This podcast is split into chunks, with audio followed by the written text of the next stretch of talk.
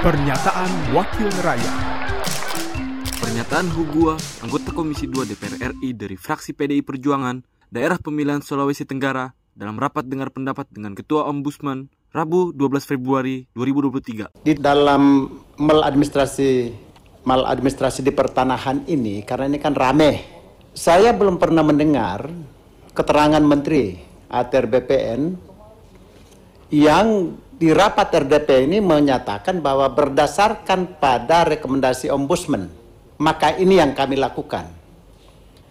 Berarti kan bayangan saya, Pak, karena saya tidak pernah melihat rekomendasinya, bayangan saya rekomendasi ini jangan sampai hanya rekomendasi memenuhi kepentingan formalnya aja. Kan harusnya terelaborasi. Katakanlah ada kasus tanah di sini, ada mafia pertanahan yang bekerja seperti ini, diduga ada persekongkolan orang dalam, orang dalam itu berinisial A, kemudian yang dilakukan itu adalah perpindahan batas patok-patok tanah dan ini menimbulkan keresahan sosial yang menimbulkan permasalahan bangsa.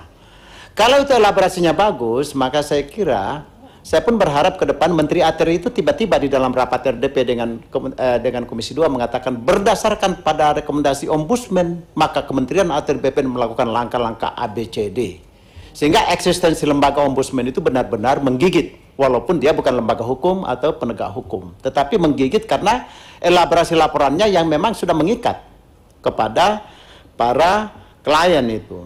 Pernyataan Hugua anggota Komisi 2 DPR RI dari fraksi PDI Perjuangan, daerah pemilihan Sulawesi Tenggara, produksi TV dan radio parlemen, Biro Pemberitaan Parlemen, Sekjen DPR RI. Pernyataan Wakil Rakyat